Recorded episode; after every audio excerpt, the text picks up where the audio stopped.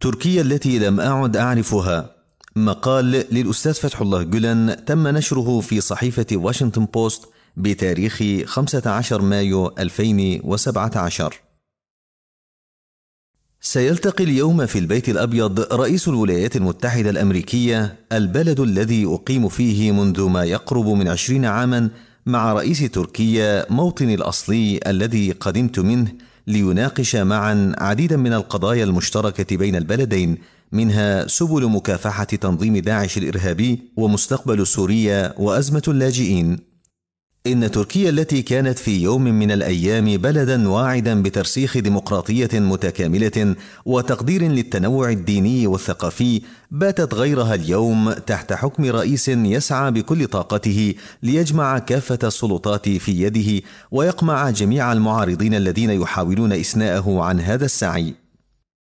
إن لقاء القمة الذي سيعقد بين الرئيسين في البيت الأبيض اليوم وكذلك قمة الناتو التي ستعقد الأسبوع المقبل ينبغي أن يكون على رأس أولوياتهما حث تركيا على استعادة مسارها الديمقراطي والكف عن ممارساتها القمعية المنافية للقيم الديمقراطية ومواثيق حقوق الإنسان.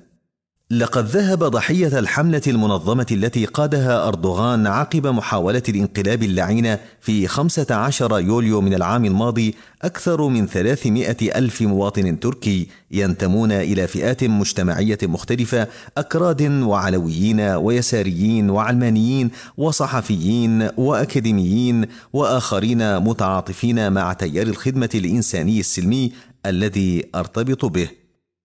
لقد دمرت حياة كل هؤلاء من خلال اعتقالات واحتجازات وإبعاد من العمل وممارسات مجحفة أخرى.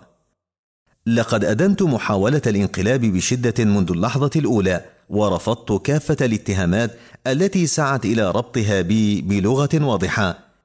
كما بينت أن المتورطين في هذه المحاولة أيا كان انتماؤهم خائنون مناقضون للمبادئ والمثل والأهداف التي أحملها. ومع ذلك كله سارع أردوغان إلى اتهام بترتيب هذا الانقلاب من على بعد خمسة آلاف ميل دون أي دليل ملموس. وفي اليوم التالي من محاولة الانقلاب أظهرت الحكومة قوائم مطولة تضمنت آلافا من الناس الذين نسبوهم إلى حركة الخدمة بطريقة أو بأخرى.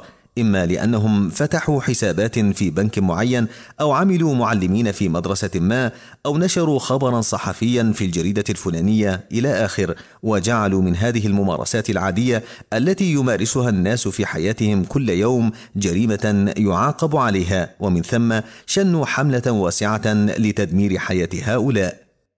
لقد تضمنت هذه القوائم التي أعدت سلفا أسماء لأناس توفوا قبل أشهر من المحاولة وآخرين يعملون في مقر الناتو بأوروبا في تلك الأثناء. كما رصدت المنظمات الدولية عديدا من عمليات الاختطاف والتعذيب أثناء الاعتقال وحالات موت تحت التعذيب. ثم سعى النظام التركي بكل جهده لتعقب الأبرياء المقيمين خارج تركيا ممارسا في ذلك كافة الضغوط. ومن ذلك تعرض ثلاثة مواطنين أتراك مقيمين في ماليزيا للاعتقال. من بينهم مدير لمدرسة كان يعمل فيها منذ خمس عشرة عاما ثم قامت السلطات الماليزية بتسليمهم إلى السلطات التركية. وليس من باب التنبؤ إذا قلنا إن هؤلاء سيتعرضون إلى السجن وأصناف شتى من التعذيب من قبل السلطات التركية بعد عملية التسليم هذه. لقد صارت هيمنة رئيس الجمهورية كاملة على السلطات الثلاث للدولة وذلك بعد إقرار التعديلات الدستورية المتعلقة بالنظام الرئاسي في استفتاء أبريل الماضي بفارق طفيف وسط ادعاءات جدية حول انتهاكات للأصول المتعارف عليها. ورغم الهيمنة الفعلية على هذه السلطات الثلاث قبل إجراء التعديلات الرئاسية في الواقع عبر التصفيات التي تمت وأعمال الفساد التي مورست فإن شرعنة هذه الهيمنة دستوريا يثير القلق مستقبلا على مسار التحول الديمقراطي في البلاد ويقلقني شخصيا على مصير الشعب التركي في ظل هكذا عقلية. لم تكن بداياتهم كذلك. لقد تسلم حزب العدالة والتنمية الحكومة عام 2002 بوعود إصلاحية ديمقراطية تمكن تركيا من تحقيق هدف الانضمام إلى الاتحاد الأوروبي. لكن مع مرور الوقت نفد صبر أردوغان إزاء أي فكر معارض فسهل استيلاء أنصاره على عديد من وسائل الإعلام مستغلا سلطات مؤسسات الدولة الرقابية وفي صيف 2013 قمع مظاهرات جيزي بارك بعنف وفي شهر ديسمبر من نفس العام وبعد تورط بعض أعضاء حكومته في عملية كبرى للفساد والرشوة تصدى لها بإخضاع القضاء والإعلام تماما لهيمنته كما أن حالة الطوارئ التي أعلن عنها لفترة مؤقتة بعد أحداث 15 يوليو من العام الماضي ما زالت قائمة حتى الآن. إن الممارسات التسلطية التي يمارسها أردوغان ضد قطاع كبير من شعبه لم تعد أمرا محليا أو شأنا داخليا، فقد ظهر في تقارير منظمة العفو الدولية أن ثلث إجمالي الصحفيين المعتقلين في العالم موجودون في المعتقلات التركية، كما باتت الممارسات القمعية ضد المجتمع المدني والصحفيين والأكاديميين والمواطنين الأكراد تشكل تهديدا للاستقرار في البلاد على المدى البعيد. وبلغ الاستقطاب المجتمعي حدا يهدد وحدة البلاد ويمزق نسيجها الاجتماعي.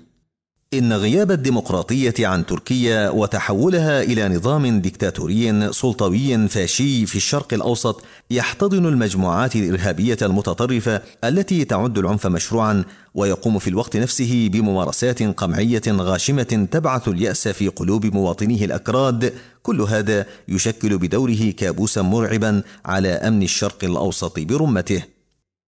إن الشعب التركي في حاجة إلى دعم حلفائه الأوروبيين والولايات المتحدة الأمريكية لاستعادة مساره الديمقراطي من جديد.